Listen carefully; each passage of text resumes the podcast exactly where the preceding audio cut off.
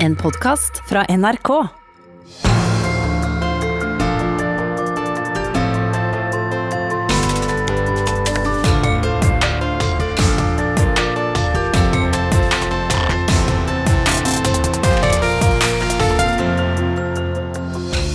I disse dager bles det opp til uvær i Europa. Flyktninger blir møtt med tåregass ved den greske grensa. Koronaviruset sprer smitte og frykt, og verdensøkonomien stopper opp. Er det den perfekte stormen som treffer Europa nå? Ja, Velkommen til podkasten og P2-programmet disse dager fra Skatten på Tøyen torg i Oslo. Ei ulykke kjem sjeldan alene», heter det i ordtaket. Er det et mørketidstegn om Europa når vi nå opplever tre alvorlige kriser på en gang? En virussykdom fra Kina har sett Norge og resten av Europa i kriseberedskap. Finansmarkeder og næringsliv går i stå, og kanskje dukken. Og Tyrkia sin president bruker mennesker på flukt som våpen for krigen han vil ha støtte for i Syria. Hva skjer når koronaviruset sprer seg blant titusener av mennesker i flyktningleirene? Vil vi da møte mennesker der med tårer i stedet for tåregass? Og hva om virussmitten blir så omfattende som spanskesyken? Kan vi da gå mot total økonomisk kollaps i Europa? Spørsmåla er store, alvorlige og mange, og vi skal søke svar hos hun som kaller seg budbringeren fra helvete. Høyrepolitikeren som er halvt gresk, sjeføkonomen som regner på kostnadene ved krisene, og kjønnsforskeren som vet hva kvinner på flukt kan bli utsatte for.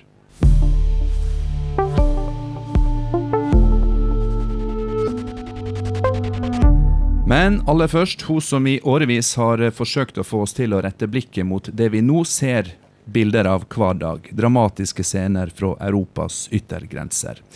Her er budbringeren fra helvete, Christina Cointano og Trude Jacobsen fra Dråpen i havet. Velkommen begge to. Takk. Jeg må begynne med deg, Kristina. Budbringeren fra helvete. Det er jo eh, nokså kraftig eh, ordbruk på denne Facebook-bloggen som eh, mange føler. Hvorfor har du valgt ei slik orddrakt? Ja, det er dramatisk. Og det var leserne mine i 2015, da jeg sto på en gresk strand og dro både døde og levende flyktninger i land. Og jeg skrev en oppdatering som het 'Kjære Sylvi' som ble delt noen tusen ganger, og da var det leserne som skrev 'Les bud fra helvete'. Men uh, for meg så er jo helvete nettopp et sted hvor barn drukner. Det ligger 40 000 mobiltelefoner på bunnen av havet. Menneskers historie, pass, identitetspapirer. Og vi står på den andre siden og betrakter andres lidelse. Og jeg tenker at Hvis ikke det er definisjonen på helvete, og det er det budet leserne mine får hver dag. Mm. Dette starta for din del for 20 år siden. Uh, fordi etternavnet ditt uh, er maltesisk. Du er halvt uh, maltesisk. Og på Malta for 20 år siden tok du imot den første båten med flyktninger ja. fra Nord-Afrika. Hva handler det om? Jeg har vokst opp helt parallelt mellom Norge og Malta, og i 2001 kom den første offisielle båten med flyktninger fra Nord-Afrika til Malta. Det var en ganske rolig landing, som vi kaller det, med 57 mennesker om bord. Udramatisk. Eh, men det gikk allikevel veldig hardt inn på meg, og eh, jeg begynte å forstå at eh, mennesker på den andre siden av vårt Middelhav hadde det så grusomt at de satte seg i båter for å møte en fremtidig uvisshet.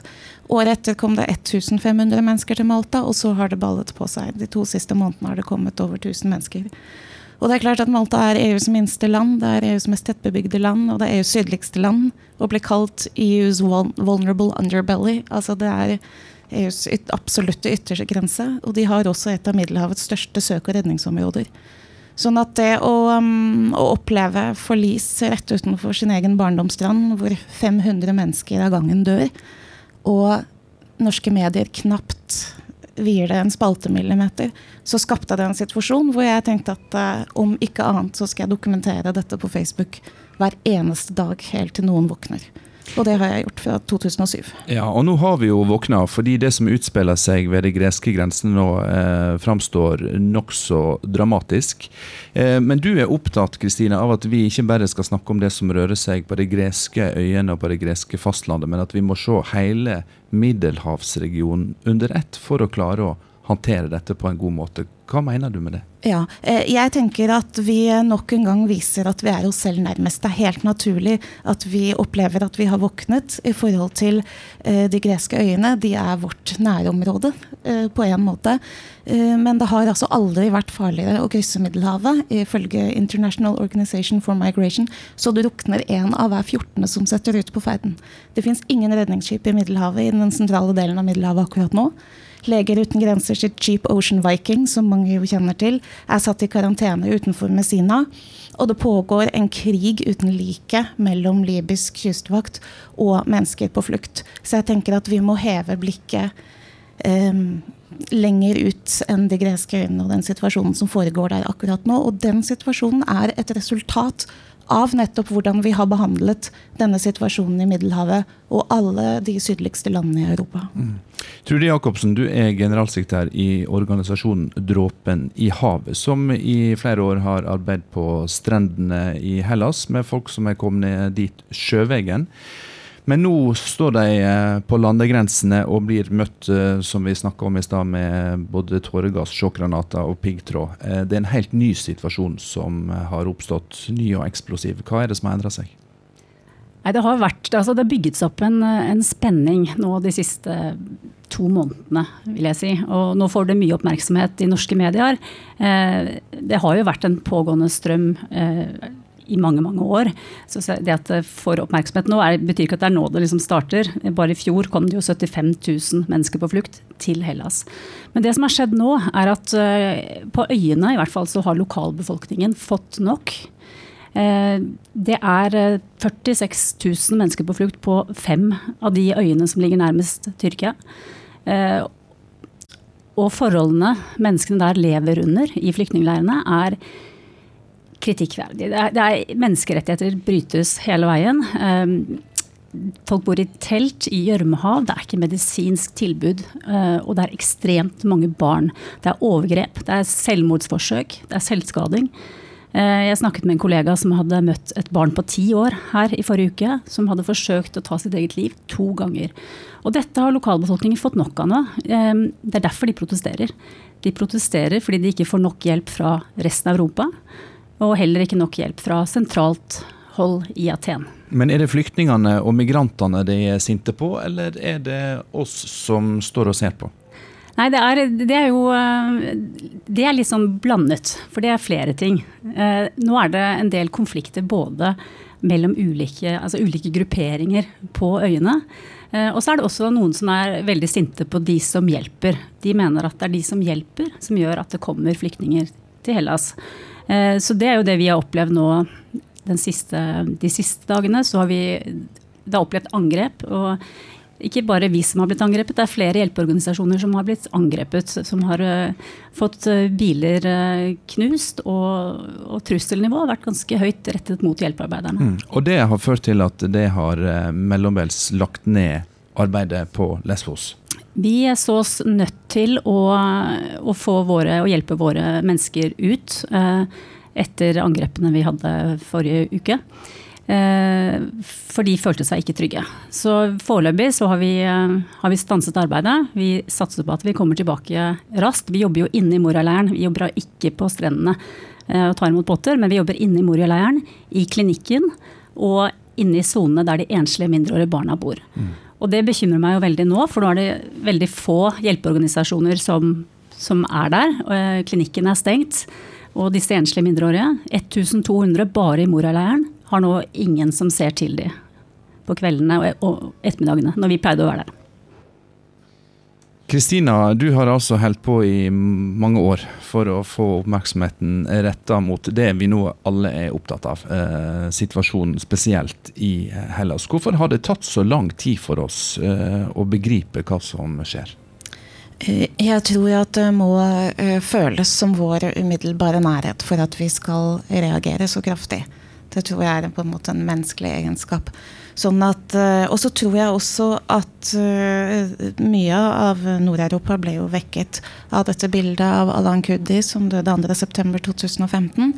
Og vi har jo sett bilder av druknede barn før, men jeg tror at det føltes veldig nært, som om dette kunne vært et av våre barn. Jeg tror folk uh, flest mangler kunnskap om det som skjer på havet. Jeg tror at uh, vi regner med at når mennesker drukner, så er det noen der ute som plukker dem opp. Uh, nå er det slik at når uh, Havsnødsentralen i Roma sender ut melding til handelsskip om at det er en båt i havsnød, så skrur de fleste av radaren. Eh, det fins ingen definisjon på hva eh, havsnød er, og det fins ingen definisjon på trygg havn. Sånn at eh, skip som plukker opp mennesker på flytt, har ingen garanti for at de får satt dem i land. Og derfor så vet vi også at de unngår å plukke dem opp. Slik at vi har veldig mye eksempler på f.eks. fiskebåter og handelsskip i Middelhavet som unngår å redde mennesker nettopp fordi de blir sittende igjen med byrden selv. Mm. Og det er jo scener vi eh, ikke får se fordi det foregår til havs. Vi får heller ikke dokumentert det du sier om at de skrur av radaren, men vi ser bilder fra eh, gresk fastland og grenseovergangene der. Eh, og du sier nå at hvis dette får fortsette, så frykter du hva som skjer mellom folk i Nord-Europa og folk i Syd-Europa. Hva er du redd for? Ja, jeg er derfor ikke noe overrasket over det som skjer på de greske øyene nå. Vi ser en tendens i både Spania, eh, Malta og Italia eh, over en økende frustrasjon over manglende solidaritetsfordeling. Det politikerne kaller byrdefordeling. F.eks. så har Malta sagt ja i åtte år til å være en trygg havn og være første mottaksland. De har sagt ja til å eh, screene, som de kaller det, altså sjekke hvor folk er fra, om de bærer med seg sykdommer, så lenge de får bli avlastet etterpå. Men, eh, men f.eks. Norge sier gang på gang nei til all solidaritetsfordeling. Og det er klart at dette skaper stor frustrasjon for menneskene som bor i Europas sydligste områder. De er, uh, har sittet i denne krisen. Malta og Spania brukte begrepet krisefatigue allerede i 2005. Og flyktningkrisen kom ikke til oss før i 2015, og, så, og nå er vi lei. Så jeg tenker at vi, vi, om så bare fordi vi er EU, så må vi vise større solidaritet overfor de landene som har tatt imot millioner av mennesker på flukt.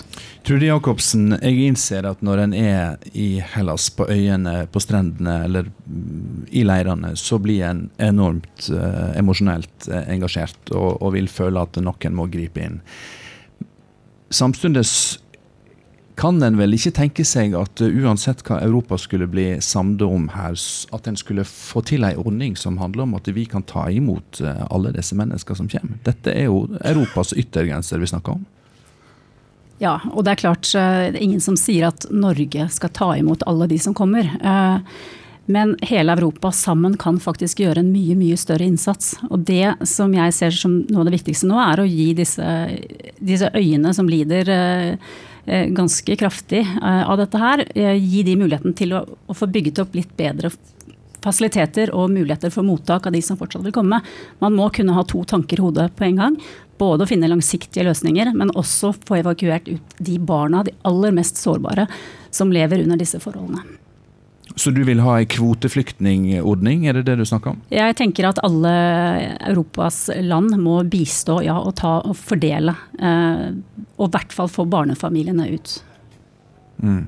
Vi skal eh, snakke mer om hva som eh, skjer i Hellas. Vi skal snart få inn en eh, norsk politiker som er halvt gresk, og som senest i dag har fått rapporter fra sitt andre fedreland.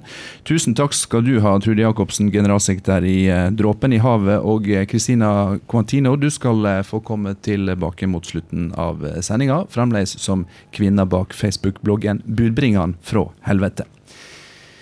Vi har snakka om situasjonen som utspiller seg ved den eh, greske grensa her i disse dager. Det er ei humanitær krise uten eh, snarlig løsning i vente. Nå skal vi se hva som skjer når ei flyktningkrise, en virussykdom og ei økonomisk krise treffer oss samtidig. Flyktningkrisa er jo selvfølgelig forferdelig, men eh, koronavirus og børsfall tar ganske med ro. Det er vel den flyktningstrømmen som står og banker på og blir stoppa på grensa eh, ved Hellas og det alvorlige som skjer der nå. Vi i Norge er så langt unna, så vi lar Hellas stå litt alene i den kampen. For Hellas har tatt en stor del av eh, den jobben som eh, vi i Europa egentlig er, er ansvarlig sammen for. Jeg er vel mer redd for virus enn for aksjer, for det har jeg veldig lite av. Det er nok flyktningsituasjonen.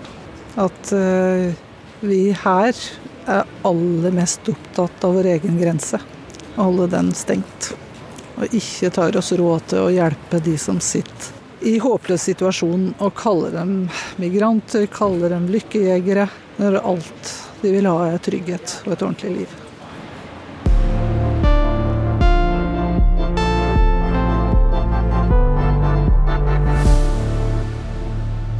Den perfekte stormen det er både tittelen på ei bok om et meteorologisk fenomen som har funnet sted, og det er et uttrykk for sammentreffet av sjeldne omstendigheter som inntreffer samstundes. Er ei ny flyktningkrise, en finanskollaps og et virusutbrudd en slik farlig kombinasjon? Vi spør politisk redaktør i VG, Hanne Skartveit, og Øyunn Holen i Leger uten grenser. Hanne Skartveit, eh, du var ute i VG med et eh, stormvarsel tidligere i veka. Hvordan er værutsiktene for Europa? Jeg mener at det kan se mørkt ut, som du var inne på. Koronaviruset, som vi fortsatt er, ikke vet om kan være noe stort som på en måte lammer verden, eller om vi klarer å stå han av. Og flyktningkrisa, hvor da Tyrkia er i ferd med å åpne sine grenser eh, mot Europa. Eh, og så har du verdensøkonomien, hvor vi ser børsfall, hvor vi ser eh, flyselskap som eh, rett og slett stenger av. Vi ser fabrikkdeler som ikke kommer. Man kan risikere en verdensøkonomi som fryser. Og da er vi i en situasjon hvor det er veldig fastlåst og veldig alvorlig. Hvordan vurderer du den utviklinga, hvis vi skal ta verstefallsscenario? Hvordan vurderer du den i det Europa vi i dag har? Det er jo ganske fastlåst. Du hadde jo, Flyktningkrisa kom på et veldig delt Europa, hvor man allerede hadde eh, dyp splittelse pga. økonomien. Hvor Tyskland hadde på en måte sultefòret de søreuropeiske landene. Du hadde eurokrisen som lå i bånn. Eh, og så fikk du flyktningkrisa på toppen av det, hvor I 2015. Jo, i 2015, hvor Tyskland åpnet opp grensene. Som førte til et veldig polarisert Tyskland. Nå ser vi ikke de samme signalene fra Tyskland. Eh, og så er det jo veldig usikkert alt dette nå. Vi vet ikke hvordan det går med viruset. Vi vet ikke hvordan det går med verden. Flyktningkrisa er ganske konstant. Vi hørte mye illustrerende om det nå.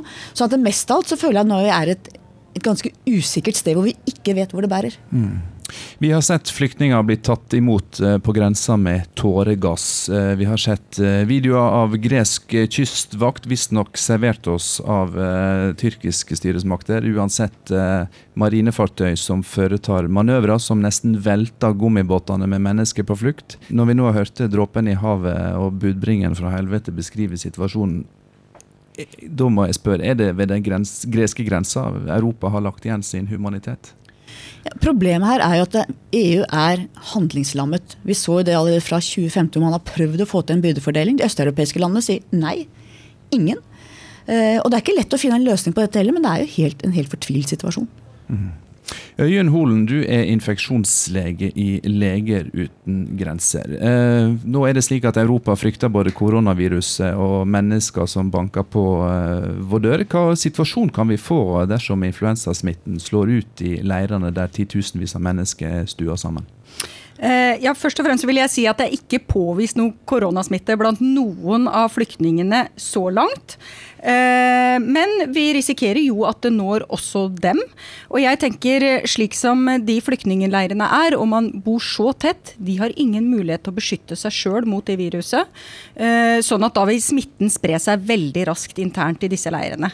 Men det jeg vil også legge til, er at dette blir ofte veldig lukka samfunn. De har lite kontakt med samfunnet ellers rundt. Så dette blir mennesker som egentlig vil spre smitte til andre mennesker, andre deler av samfunnet, i veldig liten grad. Eh, men da er det litt sånn at da frykter jeg frykten mer enn viruset. Nemlig at folk vil tro at disse flyktningene sprer virus. Og dermed at du får en økt fremmedfrykt, eh, rett og slett fordi man også får en smittefrykt samtidig. Som det da ikke egentlig er rasjonelt grunnlag for. Mm. Og så sier du at det er skilnad i sårbarheten mellom de som befinner seg nå i Hellas, og flyktninger til dømes i leirene i Libanon, som har vært der i årevis. Ja, altså eh, veldig mange av de som, når, eh, som er i flyktningleirene i, i, Hellas, som vi fikk vite, er jo det er mange barn, det er unge mennesker. Og eh, dette viruset, det vi vet om det så langt, er at barn er relativt spart.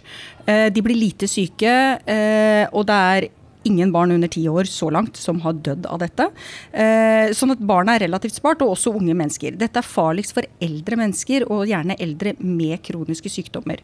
Og du har nok i syriske flyktningleirer i Libanon, som da, mennesker som har flykta mye kortere, så er det flere eldre mennesker, og også mennesker med diabetes og hjertesykdommer og kroniske sykdommer.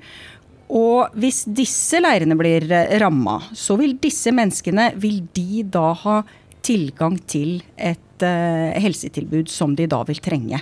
Det, det spørs. Det spørs, og det svaret vet vi vel egentlig? de står vel bakerst i køen. Det er absolutt. Og Libanon, altså, ikke sant? altså Hver femte innbygger i Libanon er en syrisk flyktning som har kommet nylig. Uh, og de har i tillegg masse palestinske flyktninger. Altså Libanon i seg sjøl også sliter veldig, så det er klart de kommer uh, bakerst i køen i et land hvor det er knapt om ressursene allerede. Og som har tatt imot masse flyktninger. Mm. Hanne Skartveit, eh, hvordan blir vår evne til å handle riktig og rasjonelt uh, denne flyktningsituasjonen påvirka av ei økonomisk uro som brer seg? Vi vet jo at økonomisk uro både skaper polarisering og hva man sier at når krybben er tom, så bites hestene. Så er det klart at det er lettere å være raus når man sjøl har det romslig. Mm. Og eh, Apropos romslig, etter finanskrisa i 2008-2009, da lå eh, den greske økonomien med brukken rygg og trua med å ødelegge den europeiske valutaen euroen. Og Da var EU snare med å rykke ut med store redningspakker. Det var massiv gjeldssanering for å få gresk økonomi opp å stå, slik at den berga euroen. Men når det nå kommer til å hjelpe landet med å håndtere en menneskelig krise, så forholder Europa seg nokså passiv.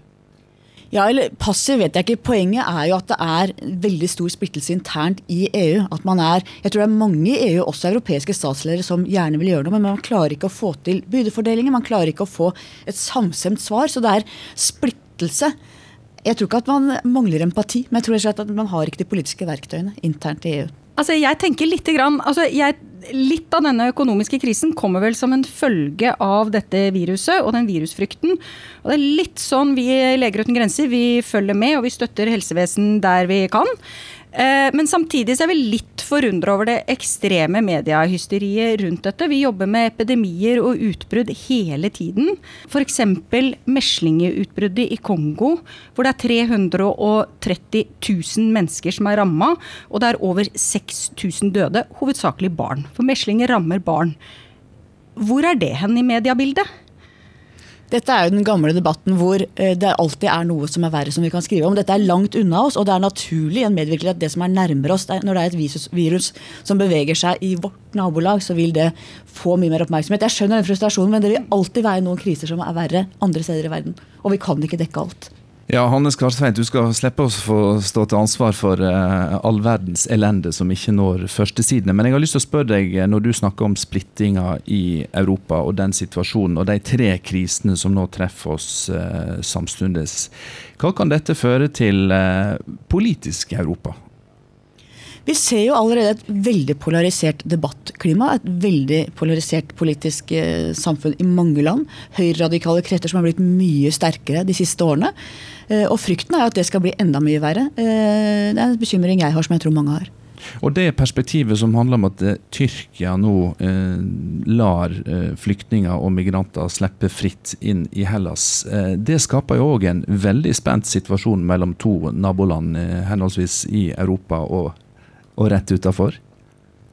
Absolutt, og Erdogan bruker dette som et uh, maktmiddel for et verktøy, som et verktøy. Uh, det er klart at Hele storpolitikken også, hvor du kan risikere at Nato-landet Tyrkia kommer i direkte konfrontasjon med Russland. altså Det er så mange aspekter her. Det er så stort og så massivt at det er uh, ikke lett å beholde roen i dette her. altså.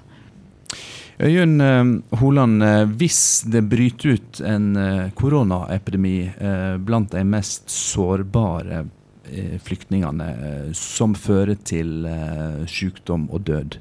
Tror det i Leger uten grenser at, eh, at vi vil forholde oss annerledes til disse flyktningene? Jeg vet ikke. Jeg, jeg, er jo også litt redd for når det da blir økonomisk krise i verden samtidig. Så er det mindre å fordele, og vi blir vel mer opptatt av oss sjøl og at lite, veldig lite igjen til flyktninger. Og samtidig så er det Eh, mange flyktningleirer rundt om i verden som hver dag sliter med mange smittsomme sykdommer. Altså meslinger, diarésykdommer som kolera, tyfoidfeber. Mange ting som er epidemier som pågår flere ganger, som får veldig lite oppmerksomhet. Sånn at dette her med Når da koronaviruset kommer, så blir det en helseproblem på toppen av alt eh, annet for dem. Må jo bare få si Når man snakker om faren for spredning, det er jo et paradoks at det største spredningen så langt har kommet fra Ullevål sykehus og leger der. så jeg, jeg, er ikke sikker på om det altså det viruset er jo her allerede. Jeg vet ikke om det er den største faren når det gjelder for flyktningene, at det kommer fordom pga. dette. Men uh, det starta jo i Kina, Hannes Gartveit, og det bringer meg til et poeng du var innom i kommentaren du skrev. Fordi vi står her og snakker om frykt nå. Frykt for det ukjente, frykt for det vi ikke vet så veldig mye om. Uh, viruset kommer fra Kina, og mange av varene som gjør at verden stopper opp, skulle vært produsert i Kina. Og du sier at Kina har jo interesse av at vi står her og snakker om eh, frykt og destabilisering? Ja, klart, Både Russland og Kina vet vi at det driver massiv påvirkning. Det får vi fra trusselrapporter fra både PST og E-tjenesten jevnlig. De har en interesse, egeninteresse i å destabilisere og delegitimere våre vestlige demokratier. Så de vil jo utnytte den polariseringen og den frykten som kommer for det det har vært med fake news, sosiale medier, propaganda, som er et ytterligere element som er ganske nytt, som også er eh, ikke bra for oss.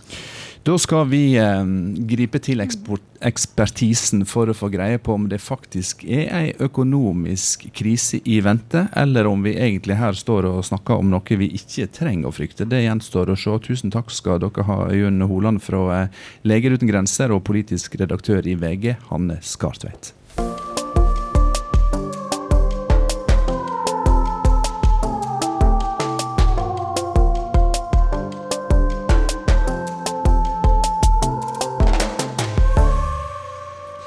Dersom eh, Europa står overfor både økonomiske nedgangstider og en ny flyktningkrise, så vil eh, vi trenge politisk klokskap og handlekraft mer enn noen gang før. Så er spørsmålet hva er sjansene for økonomisk kollaps, og hva politiske løsninger er råd å få til? Vi skal spørre Torbjørn Eika, som er sjeføkonom i KS. Han har 30 års fartstid i Statistisk eh, sentralbyrå. Her er han sammen med politikeren som er halvt gresk, Alexander Slatanos Ibsen.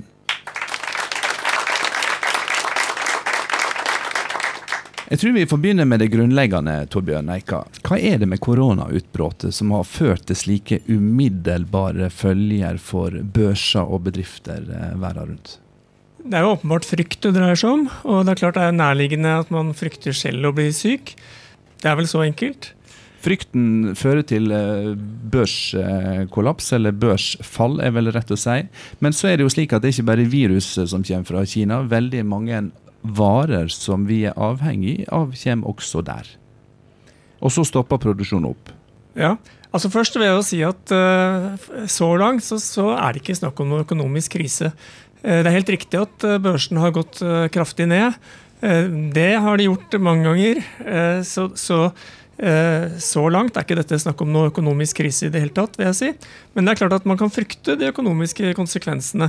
Eh, og så er det også selvfølgelig store forskjeller her sånn på, eh, mellom norsk økonomi og internasjonal økonomi. En av de, følgene, en av de få realøkonomiske følgene vi ser så langt, det er jo nettopp det at noen bedrifter ikke får de leveransene som de er vant til av halvfabrikata fra f.eks. Kina. Uh, og de som har merket det aller mest så langt, har jo vært uh, reiselivet.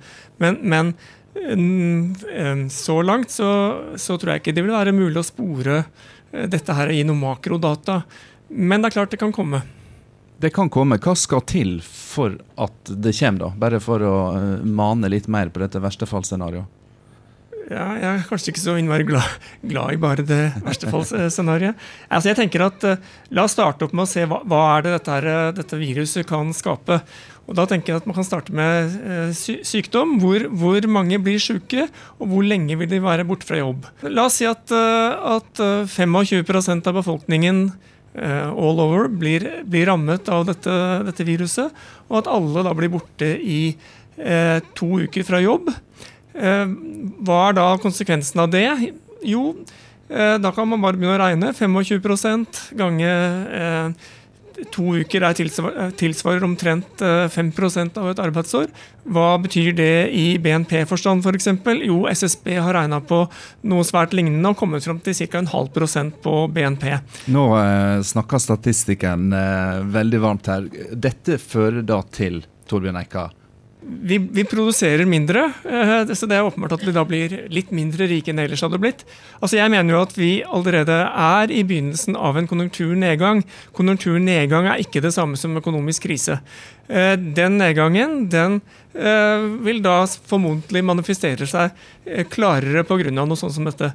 Men i, det, men i hvilken grad dette blir hva skal vi si, en følbar en mer følbar konjunkturnedgang og kanskje en lavkonjunktur, ja, det, det er ikke så opplagt. fordi eh, Riktignok så går da sysselsettingen ned, men det er jo bare en følge av at folk er syke. Mm. Eh, og sånn at, at eh, ditt eh, redusert tilbud, eh, redusert etterspørsel, går mot hverandre, og ledigheten trenger jo da ikke å gå så, så mye opp.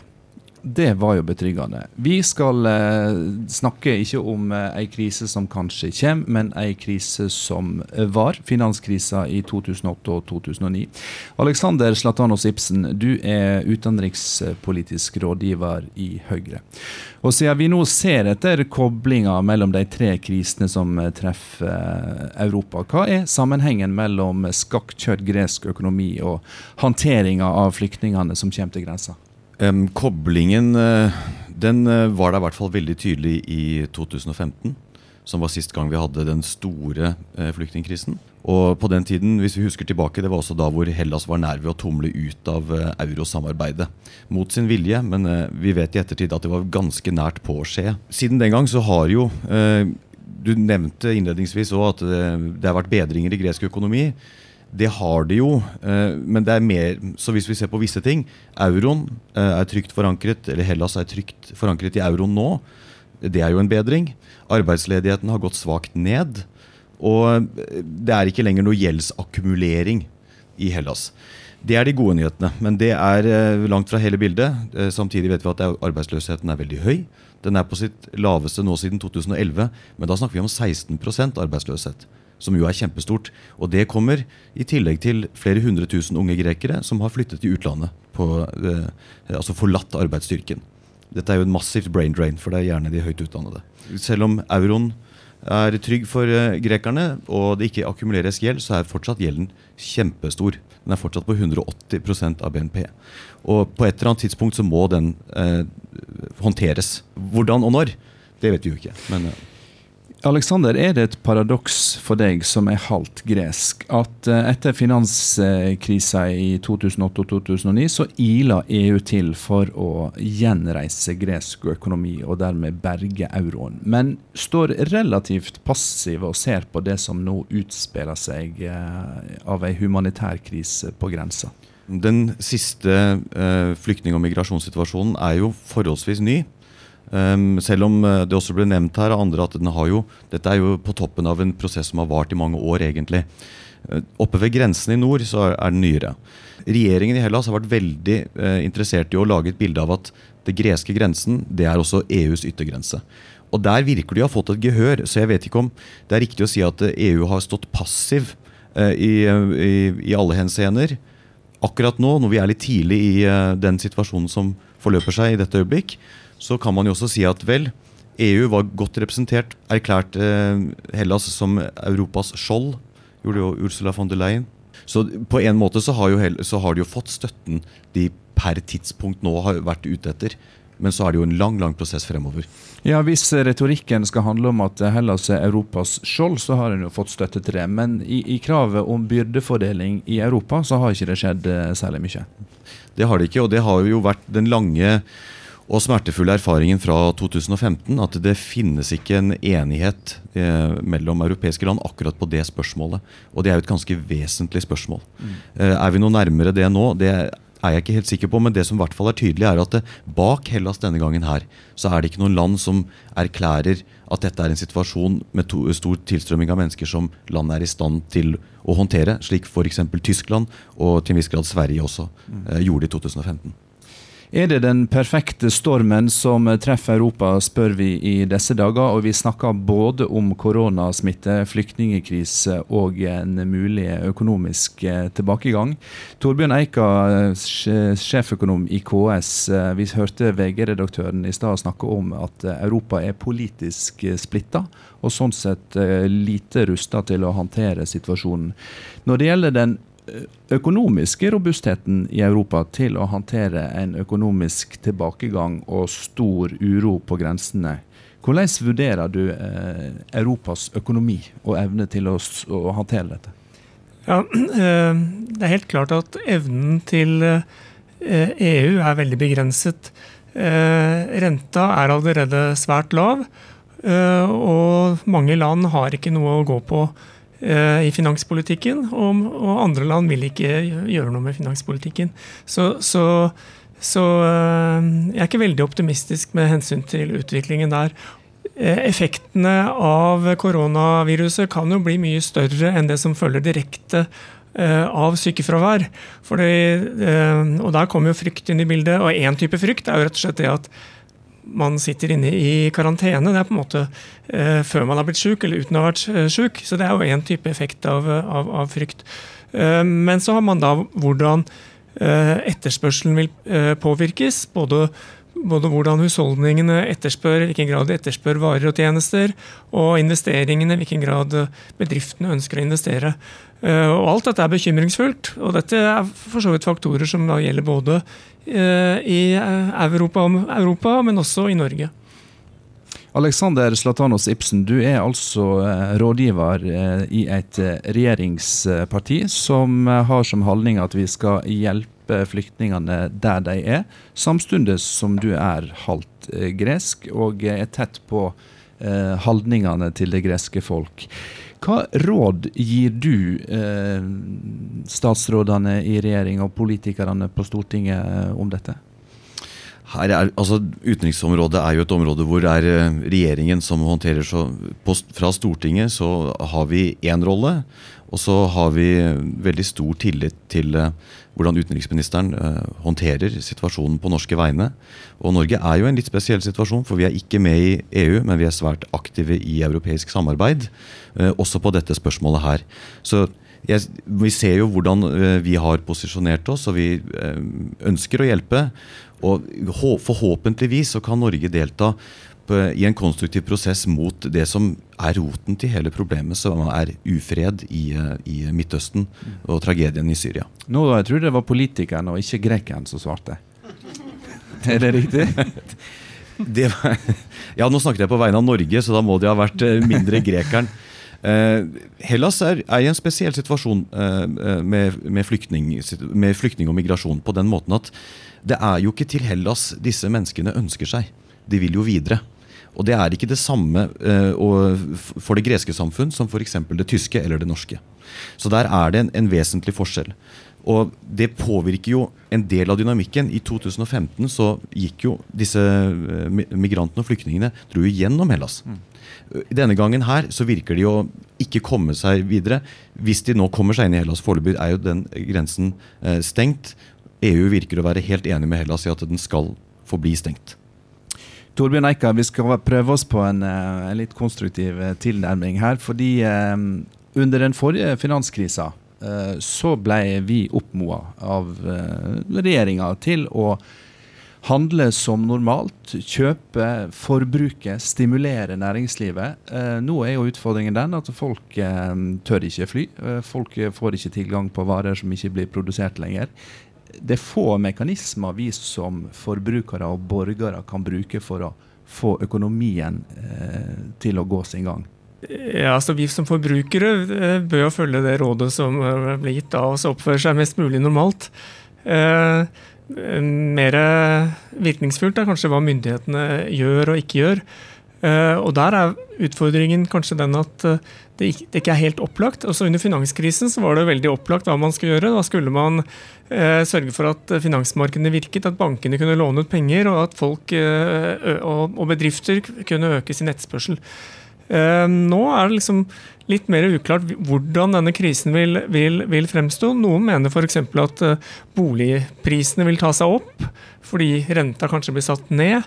Eh, så kanskje, kanskje, boligmarkedet vil gå bra. Da er det kanskje ikke den stimulansen som, eh, som, som trengs. I motsetning til Europa, så har vi altså to eh, virkemidler som det fremdeles er Det ene er veldig potent, eh, finanspolitikk, og det andre er i hvert fall relativt potent, nemlig renta som kan settes ned. Alexander, hva gjør det med Hellas dersom den greske turistindustrien eh, får seg en real smell som eh, resultat av koronafrykt?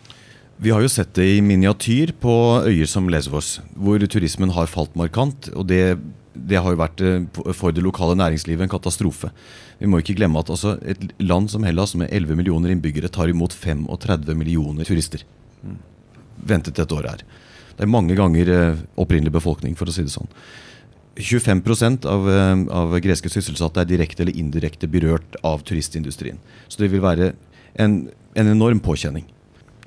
Tusen takk skal du ha, Alexander Slatanos Ibsen, utenrikspolitisk rådgiver Høyre. Tusen takk også sjeføkonom i KS, Torbjørn Eika. Vi skal flytte fokus i disse dager. For selv om verden er i tilsynelatende dramatisk endring, økonomien mer sammenfletta og sårbar og Europa mindre samla enn før, så blir kvinnedagen internasjonalt markert 8. mars. Spørsmålet vi nå stiller, hva er det igjen å kjempe for? Jeg tenker man har en del kamper, jeg. Og spesielt liksom, etterdønna metoo, seksuell trakassering, tror jeg veldig mange kvinner tenker på fremdeles. Eh, jeg tenker at det er fortsatt den kampen om eh, likestilling, likelønn osv. En del eh, det å ha rett over egen kropp. Jeg jobber i en organisasjon som jobber for transrettigheter. Tenker at kvinnekampen må være transinkluderende. Ingenting. Jeg har jo alle rettigheter nå, jo. Det er vi som er underkua nå. det er jo det. Vi har jo ikke mye å sagt vi nå lenger. Det er jo lik eh, lønn for likt arbeid, og internasjonalt er det jo veldig mye. Mot omskjæring, rett til selvbestemt abort. Det er sikkert noen steder de ikke har stemmerett og rett til lappen. Og det er så mange. Språkbruken, naturligvis. Um, abortkampen er jo veldig viktig. Spesielt ute. Det er jo mange damer som ikke har eh, de samme rettighetene som vi har kjempet oss til i Norge. Trenger ikke å gå lenger til Storbritannia og USA, hvor svangerskapspermisjon med lønn er. De har ikke det engang i det hele tatt. Og så har du jo jenter sin rett til skole i utviklingsland, eller mangel på rett til skole. Ja, Ser vi internasjonalt, så er det jo enda står det dårligere til enn her. Sånn voldtekt i krigssammenheng f.eks. Politisk innflytelse og metoo er ikke vunnet.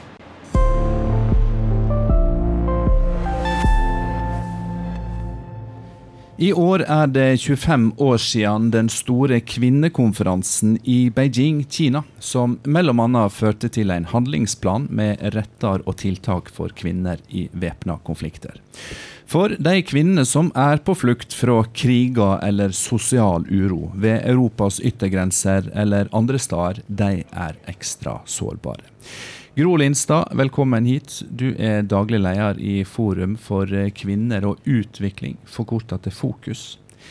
Hva er det kvinner i krig og konflikt er ekstra utsatte for?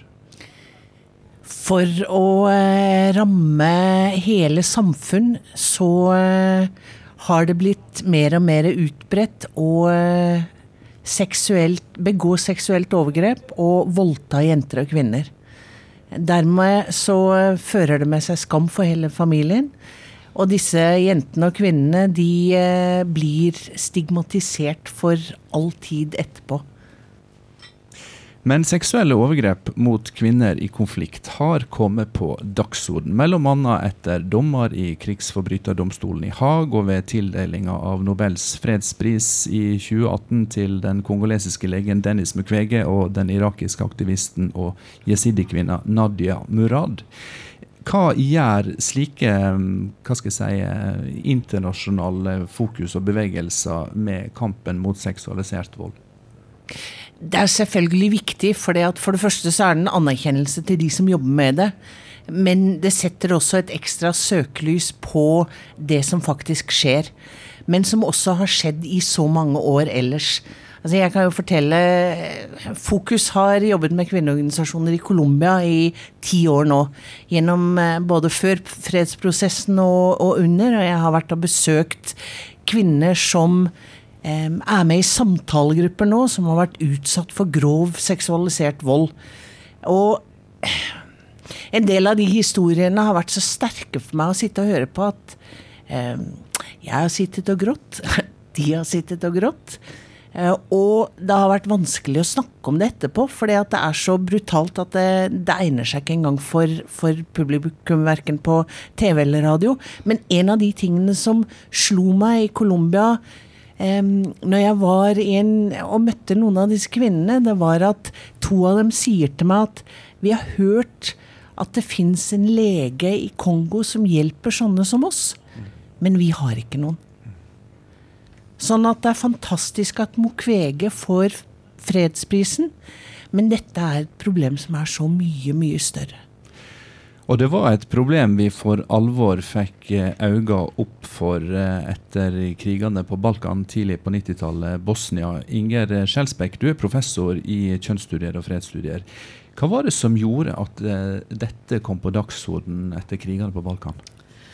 Ja, Det som var spesielt med konfliktene på Balkan, men også for Rwanda, faktisk, det var at vi fikk rapportering om seksuelle overgrep eh, under konflikt mens konflikten pågikk. Og tidligere, det er riktig som Gro sier, at eh, dette er et problem som har vært til alle tider, og det har vært i kategorien vi kan kalle det offentlige hemmeligheter. Folk har visst at det har foregått, men de som har vært rammet, har kanskje ikke snakket om det.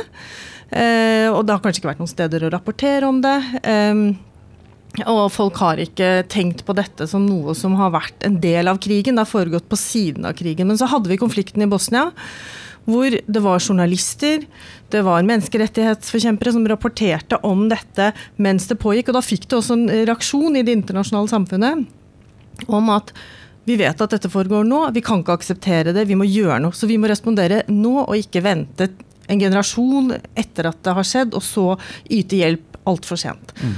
Og viktig med det var jo også det man skulle, eller ønsket å gjøre, var selvfølgelig å hjelpe ofrene, slik at de kunne både få et språk, som Gro tar opp også, eh, for å artikulere det de hadde erfart, men også at de som begikk overgrepene skulle bli straffeforfulgt. For det er jo det som har omsluttet denne problematikken aller mest, er at det kan foregå uten at det har noen som helst konsekvenser for overgriperen. Mm. Før, som du er inne på, så skjedde dette nærmest eh, på et individuelt nivå, som brotsverk utført av enkeltpersoner mot enkeltpersoner. Men nå er det altså, som vi hører, løfta opp til et spørsmål om internasjonal sikkerhet. Hva er det som har skjedd? Ja, det er eh, Du, du innledet med Beijing-konferansen. Eh, en av de tingene man snakket om der, var Eller man fikk to kapitler i dette som heter Beijing-plattformen, som handlet om vold mot kvinner generelt, og et kapittel som handlet om kvinners erfaringer i fred og konflikt. Og så har FN tatt denne agendaen videre, og så har, skal ikke dra hele historien der. Men det viktige er at FNs sikkerhetsråd nå behandler overgrep mot kvinner som en trussel mot internasjonal fred og sikkerhet. Og det handler jo, eller Den fortellingen om disse erfaringene har vi jo fått fordi vi har hørt på kvinner som har fortalt om det når det har skjedd, eller like etterpå. Og man har fått en forståelse at dette er en integrert del av en krigsstrategi, og ikke noe som skjer på siden av konflikten fordi menn ikke kan styre seg, eller fordi det er en belønning for soldater, eller på annet vis noe som ikke handler om konflikten, men nå snakker man om at det er en vesentlig del av eh, hvordan vi skal forstå hva sikkerhet innebærer for menn og kvinner under og etter konflikt. Mm. Jeg har lyst til å bringe inn eh, et annet aspekt ved kvinners sårbarhet i krig og konflikt, og det gjelder menneskehandel, Gro Lindstad. Mm. Interpol har slått fast at menneskehandel er verdens tredje største illegale økonomi, eh, sammen med våpensmugling og narkotikahandel. Eh, om jeg får spørre, er det gode tider for menneskehandel i den situasjonen vi har eh, hørt om i dag? Ja, Det vi så under eh, den store flyktningstrømmen og flyktningkrisen i 2015, var jo at det kom eh, utstrakte rapporter om eh, jenter som ble kidnappa og tatt som del av menneskehandel. Og det er ingen grunn til å tro at ikke dette skjer igjen.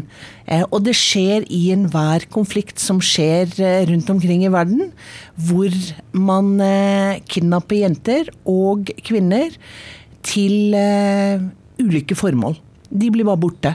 Og fordi at man er i en eh, flyktningsituasjon, så er det ingen steder å rapportere om det.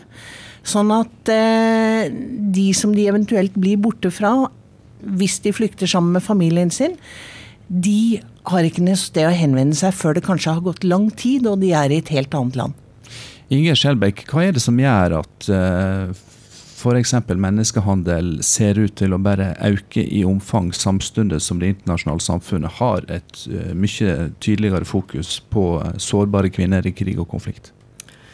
Stort spørsmål. Jeg vet ikke om jeg har noe godt svar på det. Men det, altså, vi har jo hørt tidligere her også at uh, flyktningstrømmene øker. Det er veldig mange mennesker å, å håndtere. Eh, infrastruktur bryter sammen der de kommer fra. Eh, det er uoversiktlig på flukt, og uoversiktlig også når de kommer frem til steder hvor de blir værende i, i kortere eller lengre tid. Eh, altså det, det, burde skje mer, men vi kan bare si, kjempe videre og håpe at det blir mer innsats som er bedre koordinert for å hjelpe disse kvinnene. Men det er, det er et langt stykke igjen å gå. Gro Lindstad, vi spurte folk på gata i stad hva de mener er igjen av kvinnekampen å kjempe for. Da vil jeg spørre deg om kvinnekampen er målretta nok mot dette problemet vi snakker om nå, og om søstersolidariteten her på berget er sterk nok i møte med dette massive overgrepet mot sårbare kvinner? Da er eh, det entydige svaret mitt ja. Eh, jeg eh, tror at eh, vi som er feminister, og som jobber for å sette søkelys på dette, vi skjønner hva vi har å forholde oss til, og vi er villige til å gjøre mye for å løfte blikket på det. Noe av utfordringen er at dette i stor grad er tematikk som forblir usynlig. Fordi at Altså Mediemessig så ser man der hvor eh, TV-kameraene er, og der hvor mikrofonene er. Og de aller fleste steder i verden hvor krig og konflikt foregår. Og ikke bare i krig og konflikt, men også før det har begynt, og etterpå. Og opp mot kvinnelige menneskerettighetsforkjempere som utsettes for trusler og vold fra eh, næringsliv og andre, så er dette en stor utfordring. Men eh, fra politisk hold rundt omkring i verden så blir det altfor mye festtaler og altfor lite handling. Og jeg har sagt at hvis jeg kunne ønske meg noe i julegave noen gang, så ville jeg ha mindre handlingsplaner og mer handling. Tusen takk, Gro Lindstad, daglig leder i Fokus. Tusen takk også professor Inger Skjelbæk for at dere delte dette i disse dager på NRK P2. Vi skal tilbake til budbringeren fra helvete, Christina Quintano, som i mange år har prøvd å få oss eh, til å se mot det som rører seg både på og rundt eh, Middelhavet. Kristina, eh, du fortalte tidligere i sendinga om at du for 20 år siden tok imot en båt med eritreere som kom i havn i, i Malta. Siden da har alt utvikla seg dramatisk. Hvis vi skal se 20 år fram i tid, hvordan ser du for deg framtida? Um, da tror jeg jeg går tilbake igjen til det siste spørsmålet dere snakket om nå. Og det var eh, menneskehandling og menneskesmugling. Det er to ord som eh, ofte er veldig tett tvunnet sammen.